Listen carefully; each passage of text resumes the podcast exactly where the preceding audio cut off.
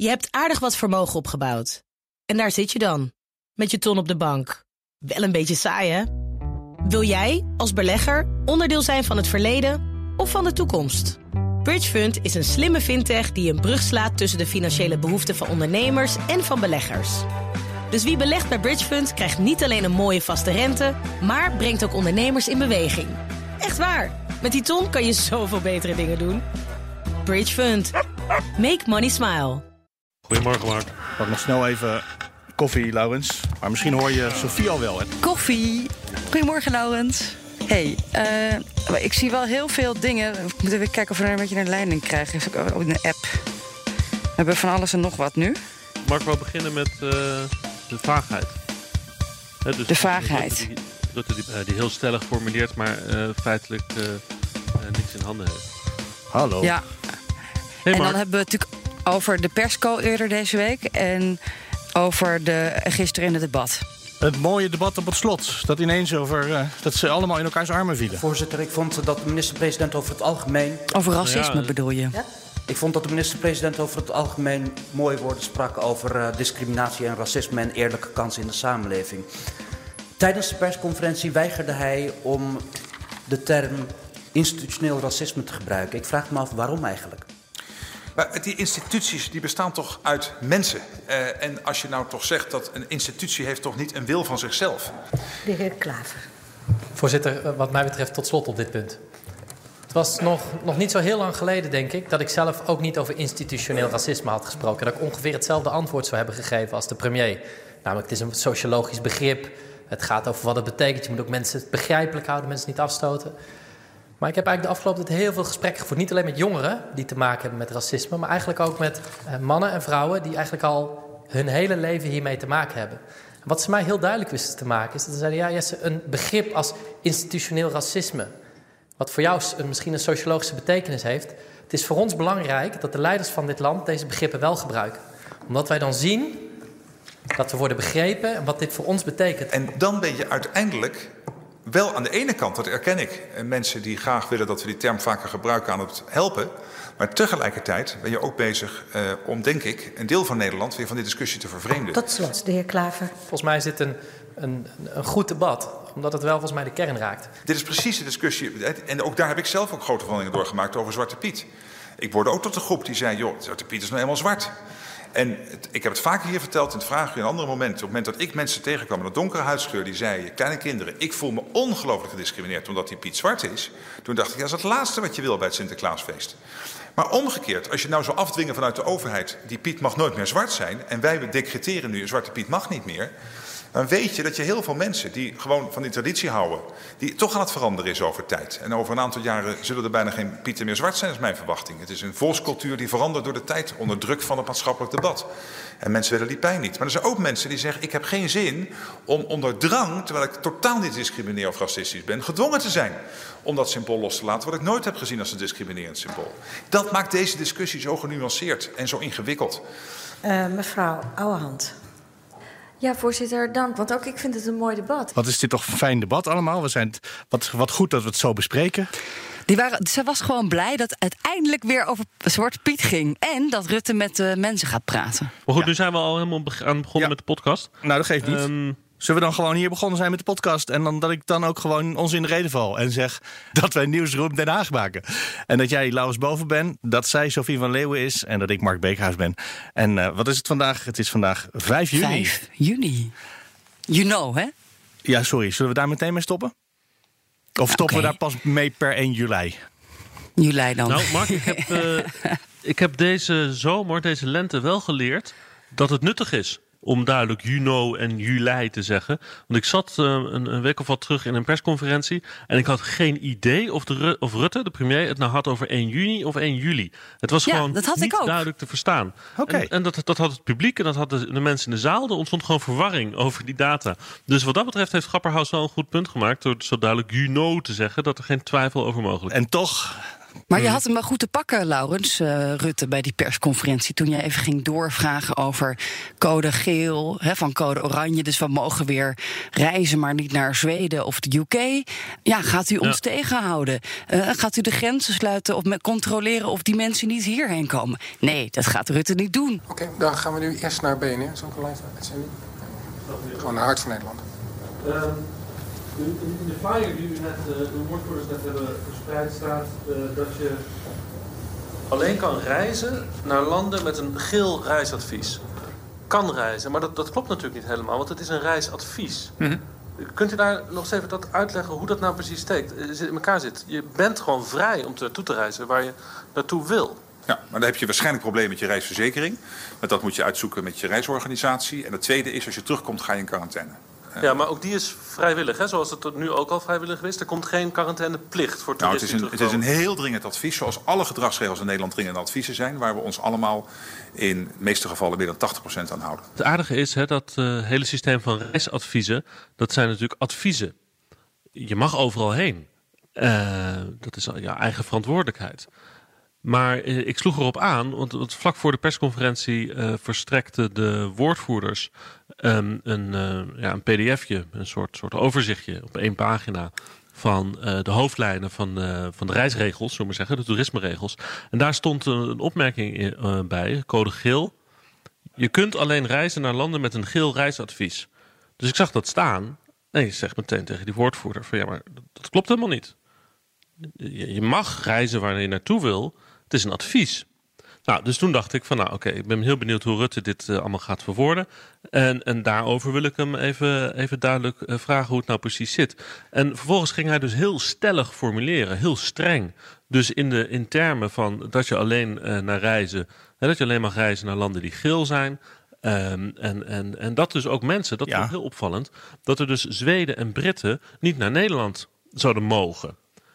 En dat vond ik helemaal interessant. Dus ik denk, wat hoor ik nou toch? Gaan de grenzen dicht, dacht jij ineens. Want die zijn open nog. Die zijn altijd, die zijn altijd open, open geweest. Is een heel belangrijk punt van gemaakt. Dat de grenzen niet dicht mochten. En hoe zit het dan met de Zweden en de Britten? Want tot nu toe heeft Nederland de grens nooit gesloten. Zegt u nu in feite, ik sluit de grens voor Zweden en Britten? Of is dat ook een advies? Wij zeggen, we willen niet dat ze komen. Als ze terugkomen, moeten ze in quarantaine. En uh, wij bekijken natuurlijk altijd permanent of de uh, verplichtende kant aan de quarantaine, of die verplichtender zou moeten zijn. Dat is niet zo makkelijk. Uh, maar als dat echt niet goed zou gaan, hebben we natuurlijk altijd mogelijkheden om daar verplichtender in op te treden. Maar is het nu een verzoek aan de Zweden en de Britten om niet te komen? Of worden ze tegengehouden? De mededeling is dat we ze hier niet willen hebben. Punt. Dus als ze komen, kunnen ze wel doorreizen? Als ze hier komen, dan moeten ze in quarantaine. Dat is de opdracht. Al aandringend moet hij dus erkennen dat het een advies is. Hè?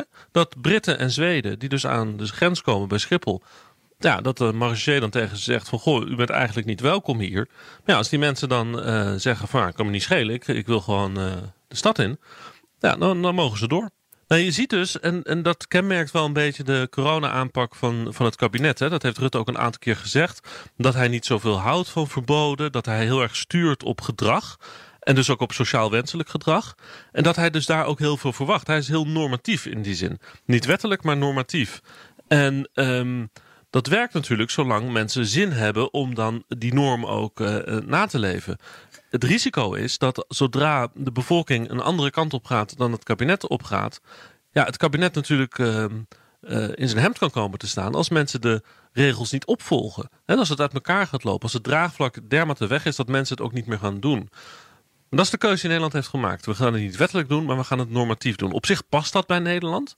Maar um, het is dus wel zo dat strikt juridisch geredeneerd het niet helemaal klopte wat de premier zegt. Hij, nee, en misschien dat je ook wel deze week gezien hebt dat niet iedereen het aan kan. Want uh, met die demonstraties in Amsterdam en vervolgens ook in Rotterdam, waarbij er toch te veel mensen te dicht op elkaar stonden. Uh, dan ja. merk je dat mensen die vrijheid misschien net niet helemaal aan kunnen, omdat ze het niet kunnen overzien. Ja, totaal niet. En uh, Rutte zou ook iets heel grappigs in die persco van... ik ga dan nog strikter adviseren. Of, hè, ik ga eigenlijk nog strenger zeggen dat, dat je het eigenlijk niet moet doen. Maar ik dus niet verbieden. Ja, je hebt het gezien. Massale demonstraties. En wie houdt je tegen? Uh, met die anderhalf meter of één meter. Uh, niemand grijpt echt in. Nou ja, in Rotterdam uiteindelijk is de boel dan opgebroken. Dus uh, ja, Rutte staat een beetje zwak in zijn verhaal, denk ik, deze week. Ik wil je eens een stukje, een stukje van een debat laten horen van Van de Week. Dat gaat over. Nou, eigenlijk, het was tijdens een debat over de inlichting en veiligheidsdienst. De Martin Bosma van de PVV. Uh, ja, die begon toch nog heel even over de demonstratie in Amsterdam. Dan geef ik nu het woord aan de heer Bosma namens de PVV. Voorzitter, dank u wel. Tussen twee haakjes. Zondag vond er een grote bijeenkomst uh, plaats op de Dam. Van allemaal linkse mensen. Daar werden volle virussen verspreid, vrezen virologen. Een superspreader event. Burgemeesters willen alle deelnemers aan die bijeenkomst het liefst twee weken in quarantaine plaatsen. Ik hoop dat u alle linkse mensen vandaag in dit gebouw voldoende ontsmet heeft. De heer Van Het gaat maar om een andere uh, uitspraak die mij dwars zit. Dat de heer Bosma hier zegt... mensen met een linkse politieke voorkeur... die moeten hier bij de deur ontsmet worden. Is dat wat de heer Bosma net zei? De? Dus hij zei, houdt de minister er rekening mee of de voorzitter er nee, rekening mee? Laat mij eens even uitpraten. Ik heb het woord. Linkse mensen die hier binnenkomen. Ronald van Raak die hier binnenkomt. Als ik hier binnenkom, moet ik volgens de heer Bosma ontsmet worden. Is dat wat de heer Bosma zegt? Hey, ik had het over de deelnemers van de bijeenkomst... waarvan burgemeesters zeggen dat ze twee weken in quarantaine moeten. Nee, nee. De heer Bosma zei... Ik weet niet, volgens mij tegen de voorzitter of tegen de minister, dat weet ik niet. Die zei, er zijn hier in deze Kamer ook linkse mensen aanwezig. Ik, Ronald van Raak, ben hier aanwezig, ja. Zegt de heer Bosma dat als ik hier de deur binnenkom, als ik hier de zaal binnenkom, dat ik dan ontsmet moet worden? Is dat wat de heer Bosma zegt? Dat is niet wat ik zeg. Dan stel ik voor dat u verder gaat. Het is mooi theater, uh, Laurens, Sophie. Ja, maar hebben jullie dit gemist?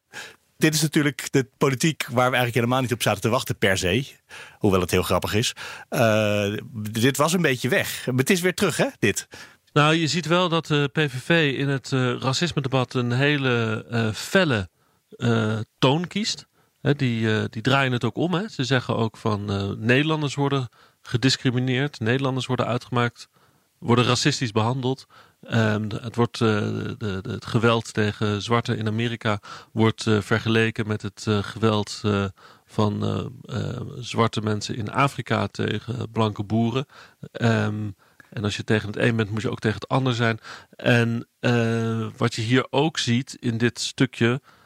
Dit, heeft, weet je, dit raakt de app-discussie tussen Halsema en Grapperhaus. Want uh, Halsema die maakt op een bepaald moment ook een opmerking over van, uh, dat dit een gouden kans is voor rechts Nederland wat hier gebeurt. Hè? In Amsterdam hoe dat uit de hand liep met die demonstratie en dat niet handhaven, kunnen handhaven van die anderhalve meter zoals Halsema dat zag. En um, nou, dat, dat zie je dus hier gebeuren. Uh, rechts Nederland grijpt dus ook die gouden kans om daar dus op te polariseren. Dat had mevrouw Halsema goed voorzien. Ja, inderdaad. Dat had ze goed gezien.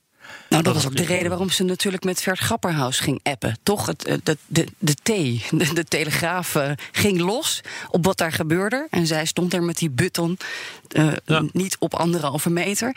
Ja, en toen had rechts Nederland het gedaan en moest uh, Grapperhaus haar rugdekking geven. Ja, dat werd natuurlijk een enorme rel in de Tweede Kamer met een zeer gepolariseerd debat tussen links en rechts. De burgemeester van Voorzitter was al onhoudbaar, maar als u nu niet binnen twee minuten haar biezen pakt, dan snap ik er al helemaal niks van. De burgemeester van Amsterdam heeft gewoon de boel lopen te neppen. Ze heeft gewoon de minister willen zeggen dat hij betrokken was bij het besluit om niet op te treden. En de minister van Justitie, weten we nu, zegt dat is helemaal niet waar. Het is een grote leugenaar, die mevrouw van uw partij. De heer Klaver. Voorzitter, ik heb um, sterk de indruk dat het niet zo heel veel uitmaakt wat de burgemeester van Amsterdam, Femke Halsma, wat ze precies zou doen. Of ze nou een besluit neemt over een demonstratie, de heer Wilders feliciteert voor zijn verjaardag of boodschappen gaat doen. Maar dat hij de mening toch wel klaar heeft en dat ze eigenlijk sowieso de biezen moet pakken. Ja, nou dat is uh, ik denk wel correct geanalyseerd van Jesse Klaver. Um, overigens, er ontstond gisteren een ja, toch wel ongelofelijke situatie. Ik heb het nog nooit gezien in de Tweede Kamer, omdat uh, Geert Wilders, dus Vert Grappenhaus, uh, de minister van Justitie, naar de Kamer wilde halen om over die app-discussie die gisteren werd gepubliceerd, uh, ja, hem ook te ondervragen. Ik heropen de vergadering en geef de minister-president het woord. De heer Wilders. Ja. Ik zou graag een punt van orde willen maken. En dat is? Gelet op de ja? importantie van de appwisseling, um, um, de context daarvan Um, ook de opmerking van de minister van Justitie dat de anderhalve meter handhaven, um, dat hij dat niet handhaven, dat hij dat begrijpt. Um, vind ik niet dat wij verder kunnen gaan zonder de aanwezigheid uh, van de minister van uh, Justitie en Veiligheid bij dit uh, debat. Dus ik wil hem er graag bij hebben. Grapperhaus, die was natuurlijk geen deel van het coronadebat. En nou, dus hij maakte een punt van orde. Hij wilde dus de steun van de collega's. De meerderheid van de Kamer moet dan beslissen of een extra minister naar de Kamer moet komen. En het was niet duidelijk of er een meerderheid was. Het was een beetje, dat is vaak in deze Kamer, heb ik al eerder uitgelegd, is, is, zijn de verhoudingen een beetje 50-50. Dan uh, zie ik dat er geen meerderheid is, meneer Wilders. Ja? Voorzitter, ik vind dat niet helder. Um, de, ook niet de uitkomst, ook niet bevredigend. Dus het was niet helemaal duidelijk of er nou wel of niet voldoende steun was? Ik wil hier hoofdelijke stemming over hebben. Nu is het een ordevoorstel. En um, het vijfde lid van artikel 70 van het reglement van orde zegt dat als het quorum er is, dat we dat dan nu kunnen doen en dat u anders de vergadering moet schorsen of sluiten. Dan gaan we kijken of we een quorum hebben. Dus Geert Wilders die, uh, ja, die vroeg gewoon zoals normaal uh, een hoofdelijke stemming aan over zijn uh, verzoek om Grapperhaus naar de Kamer te halen. En toen ging het fout. Want um, er is een procedure in het reglement van orde dat er alleen gestemd mag worden in de Tweede Kamer als het quorum aanwezig is. Het quorum betekent het minimale aantal Kamerleden uh, wat nodig is om, om, om, fatsoenlijk te kunnen vergaderen of te besluiten. Nou, dat dat is 76, toch, Laurens? Ja, ja, de helft plus één. Dus die, nou, die de waren natuurlijk niet in de coronatijd. Uh, nou, uh, wacht even, die zijn er wel. Die horen er te zijn, want elke dag de vergadering kan niet geopend worden s ochtends als het quorum niet aanwezig is. Dus elke dag dat er een plenaire vergadering uh, plaatsvindt, moeten 76 Kamerleden in het gebouw zijn. Nou, die komen dan even binnen, dan, is, hè, dan tekenen ze de presentielijst en, en sommigen gaan dan weer naar huis of ze gaan werken op kantoor. In ieder geval, gedurende de dag wordt dat steeds minder, het aantal Kamerleden wat aanwezig is. En zeker, s'avonds, dit debat was, uh, was s'avonds. Nou, um, dus, dus er werd een hoofdelijke stemming aangekondigd. En, en meteen was er een soort van zorg. Ja, maar wacht even. Het quorum, hè? is het quorum er wel? Ariep die schorste de, de vergadering. En dan vrij snel was de conclusie: het quorum is er niet. Nou, als ze dan hadden die stemming hadden doorgezet, die hoofdelijke stemming, dan had de vergadering automatisch gesloten moeten worden. Dat staat in het reglement van orde. Als er een stemming is zonder quorum, wordt de, uh, de vergadering geschorst, gesloten. En dan mogen ze pas de volgende vergaderdag, dus, dus volgende week, verder vergaderen. Dan had er stond, dus ontstond echt ophef, hè, Laurens, op de publieke tribune ook. Allemaal lachende journalisten. Uh, een chaos in die, in die plenaire zaal. En ja. Geert Wilders, die nou ja, op een gegeven moment gewoon natuurlijk... kwijt was. Hij liep weg. En, en, en Ariep, die dacht, wat, wat is dit nou? Waar is Geert? Die ging hem bellen, die liep de zaal uit. Waar is Geert? Iedereen stond zo een beetje van, wat gebeurt hier? Ariep nam Wilders mee de wandelgang op. Toen kwamen ze terug. En uh, toen liep Wilders naar de, naar de, uh, naar de, naar de coalitiewoordvoerders toe. En uh, toen was het voorstel van, nou, ik wil mijn um, verzoek om Grapperhaus naar de Kamer te halen wel intrekken. Maar dan wil ik van jullie steun hebben dat we volgende week Um, dat debat met Grapperhaus kunnen doen. Hè. Hij wilde niet met een kluitje driet in worden gestuurd. Nou, toen zei uh, van den Berg van het CDA... ja, dat kan ik niet in mijn eentje beslissen. Dan moet ik even de baas bellen. Dus die ging volgens de wandelgang op om te bellen met het CDA. En toen kwam Rutte. Rutte die stond ook die even op de gang. Ja. En die, maar die gaat er helemaal niet over, toch? Dus dat is een nee, minister. Die kwam binnen wandelen. Nee, maar die kwam dus naar binnen met, met de joviale Rutte, zoals hij soms is, met opmerking: Hoi, kan ik helpen? dat is een beetje ongepast natuurlijk. Ja. Ja, u mag iets zeggen. Maak ja. het niet te ingewikkeld, hè? Want we hebben net. Nee, nee, nee, nee. nee. Ik ja, probeer okay. te helpen. Ja. En uh, dus, dus nou, ze waren met z'n allemaal in groepjes aan het overleggen. En, en uh, toen, toen was de, uiteindelijk de uitkomst van oké, okay, Grapperhaus hoeft niet te komen. Volgende week het debat met Grapperhaus. En toen ging Rutte zich er nog een keer mee bemoeien. En die zei van nou, wacht even. Grapperhaus kan hier gewoon zo meteen zijn hoor, om half acht. He, ik heb hem net nog even gesproken. Ja, en ze waren eigenlijk op zoek. Kees van der Staaij legde me dat na afloop nog uit. naar de oplossing die de minste tijd zou kosten. He, is het efficiënter om dit debat nou te, op te schorten tot Grapperhaus er is? Of volgende week een extra debat met Grapperhaus? Nou, en ze werden het toen eens, onder, met de hulp van Rutte. dat het handiger is om Grapperhaus gewoon even naar de Kamer te laten komen. Alleen, Grapperhaus die komt pas anderhalf uur later. En uh, het punt was dat, dat Rutte en Grapperhaus samen moesten gaan spreken. Ze moesten de tijd vullen tot Grapperhaus aan het woord zou kunnen komen over anderhalf uur. Nou, en toen kreeg Hugo de Jonge de opdracht. Ga jij dan nu maar de vragen beantwoorden tot Grapperhaus er is. Hè? Praat de tijd maar vol. Nou, dat was ook een hilarisch moment, want iedereen... Ja, hè, dus heeft hij was helemaal niet voorbereid. heeft- Hij liep in zijn papieren te, te, te zoeken. Van, oh, maar eh, ja, ik ben nog niet klaar met, eh, met de... Ik dacht dat ik pas over een uur aan de beurt was. Ja, dat zei hij inderdaad. En, en Rutte zei zoiets als, nou, hup, eh, jij nu aan de beurt. Kom op, Hugo. En je kan dat wel anderhalf uur voorlullen. Hè? Want hij heeft een beetje die Dat is een wekelijkse klacht, ja, dat hij te lange antwoorden heeft. Uiteindelijk kwam eh Grapperhaus eh, om eh, half acht, of nee, later nog geloof ik, kwart over acht. Maar de Kamer kreeg niet echt grip op hem, hè? Nee, Nee, hij was helemaal, eh, hij was helemaal ehm, onderkoeld. En, eh, het dit ging, misschien moeten we dat even zeggen. Dit ging puur over de app-discussie tussen Halsema en Grapperhaus. De burgemeester van Amsterdam en de minister van Justitie. Over de vraag of er nou wel of niet ingegrepen had moet worden bij die demonstratie op de Dam. Ja, precies. En bedenk wel dat eh Grapperhaus dus afgelopen dinsdag ook al in het vragenuurtje stond. En ook al hier uitgebreid over had gepraat. En hij duidelijk, had hij, vond hij het allemaal gezeur. Althans, in zijn lichaamstaal had ik de indruk van hij, hij, hij wil hier helemaal niet zijn, maar hij moet hier zijn. Wat de veiligheidsaspecten betreft, ja, eh, daar komt eh, eerst gewoon het debat eh, conform hoe de wet op de veiligheidsregio's werkt en hoe de gemeentewet overigens werkt. En als dat debat eh, geweest is, dan heb ik al gezegd, ik ben echt zonder meer bereid, want dat, ik doe nooit loze toezeggingen, hoop ik, kijk ik naar de heer Van der Staaij, om hier met uw Kamer dan nog eens het met elkaar evalu- evaluatief door te nemen. Dank u wel. Dank u wel. Dan, eh, Ja, ik weet niet, moet ik voor de tweede termijn, mag het zeggen? nou, ik begrijp dat de minister andere verplichtingen heeft. Heeft iemand bezwaar tegen het vertrek van de minister van uh, ik, ik moet wel Justitie en Veiligheid? weer... eh, Ja, dank u wel. Fijne avond. Hij gaf allemaal wel antwoord. En de, de bottomline van zijn boodschap was van... eh, ja, weet je, dit is gewoon een type discussies... wat je soms hebt met burgemeesters. Als het de stress hoog is, dan reageer je ook wel eens emotioneel. En eh, het is allemaal uitgepraat. En, en eh, niemand heeft een fout gemaakt. En ik, ik, ik ben ervan overtuigd dat ze me niet heeft proberen te naaien... door mij bij dat besluit mede verantwoordelijk te maken. Dus dat is, hij, hij, van alle kanten was zijn opdracht die avond... ehm, de boel weer rustig krijgen. En hij verwees naar het debat waar dit eigenlijk thuis hoort volgende week in de Amsterdamse gemeente. Eh, Van Dissel hebben we ook nog, misschien moeten we het daar nog even over hebben. En dat gaat dan eigenlijk ook weer over die. de, de, de, later in het debat ging het weer over de willekeur ehm, van, van de maatregelen eigenlijk. Dat, dat eh, ook Rutte heeft toegegeven dat eh, het eigenlijk arbitrair is. Of het nou 1 juli is of 1 september. Dat de coffeeshops open mogen. Over die onvrede in de samenleving. En eh, ja, ook ging het over de, over de vliegtuigen. Van hoe kan het dat wij eh, eh, eigenlijk niet weten of we veilig in een vliegtuig kunnen stappen. nu de vakantieperiode aanbreekt. Bleek eerder eh, die dag, toen spraken wij Jaap van Dissel van het RIVM bij de patatbalie. dat het kabinet niet eens om onderzoek heeft gevraagd. Ze hebben niet gevraagd aan Van Dissel.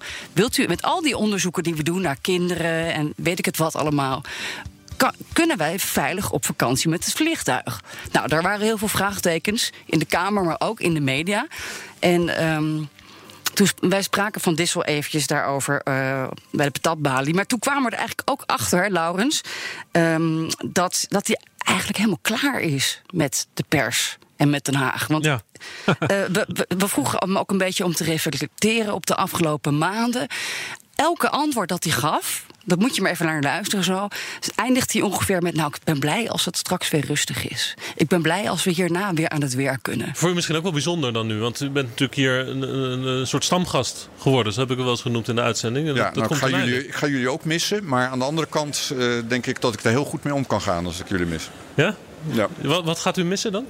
Of is dat eh, eh, ironisch? eh, ik, ik zeg, ik ga jullie missen, eh, bij wijze van spreken. Maar betekent ook dat wij weer meer tijd voor andere dingen hebben. En dat komt ook wel uit. Ja. Wat heeft, ik ben toch benieuwd, wat heeft u nu? Want u, bent zo binnengekomen binnenwaaien eigenlijk als een soort ex- als een expert. U bent zoals heilig verklaard door de, door de premier op een bepaald moment. Hoe, hoe kijkt u terug op die periode?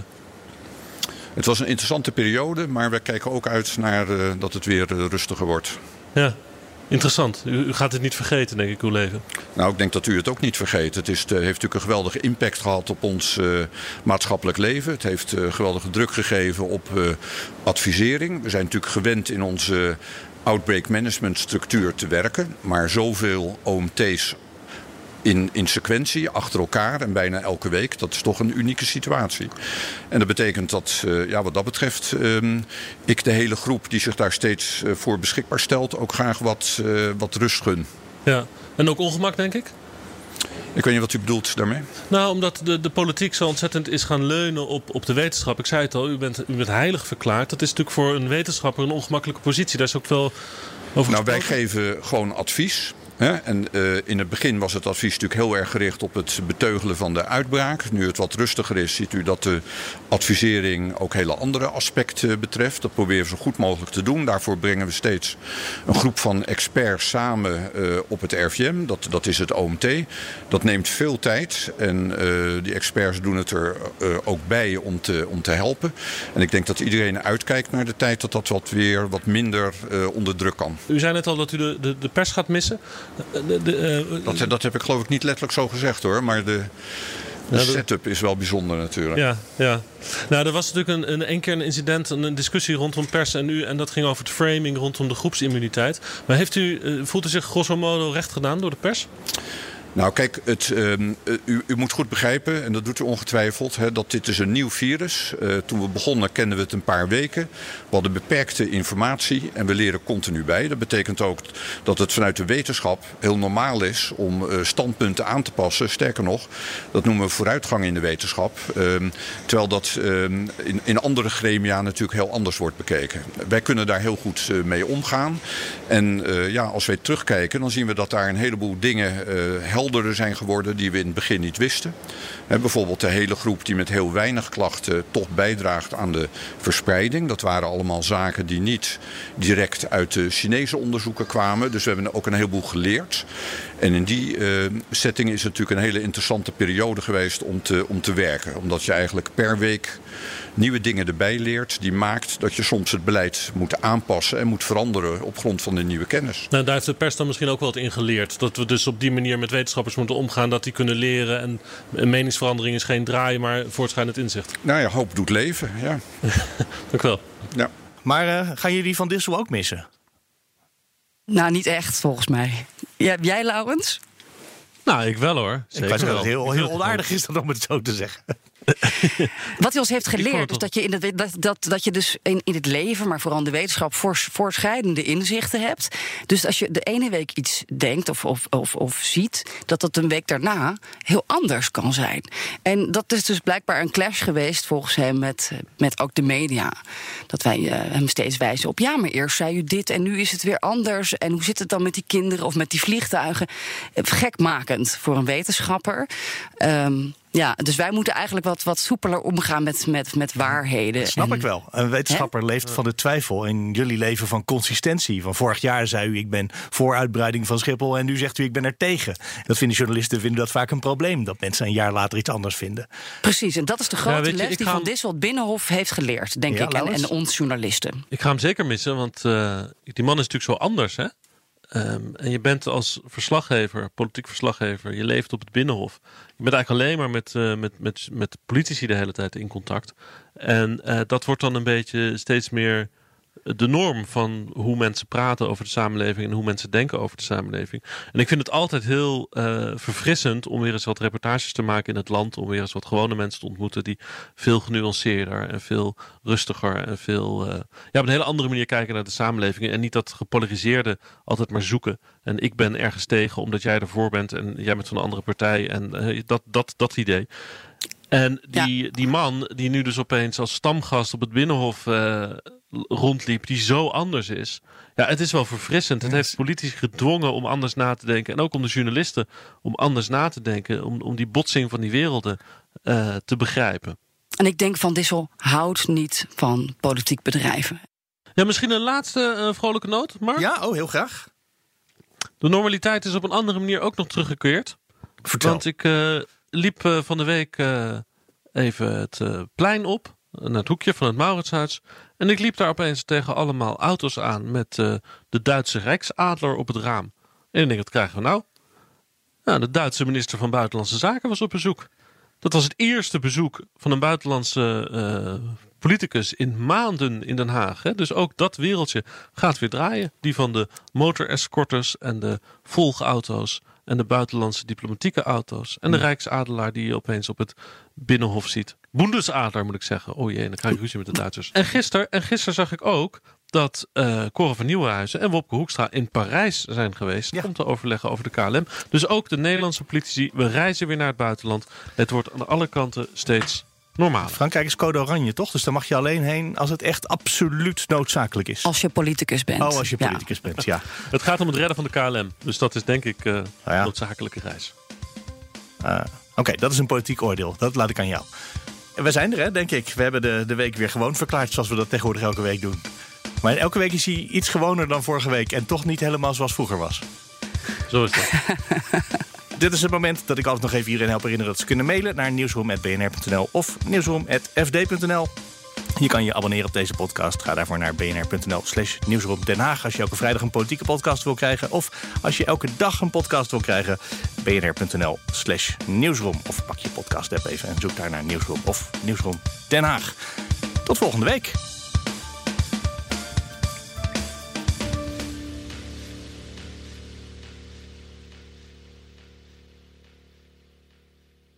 Je hebt aardig wat vermogen opgebouwd. En daar zit je dan, met je ton op de bank. Wel een beetje saai, hè? Wil jij, als belegger, onderdeel zijn van het verleden of van de toekomst? Bridgefund is een slimme fintech die een brug slaat tussen de financiële behoeften van ondernemers en van beleggers. Dus wie belegt bij Bridgefund krijgt niet alleen een mooie vaste rente, maar brengt ook ondernemers in beweging. Echt waar, met die ton kan je zoveel betere dingen doen. Bridgefund. Make money smile.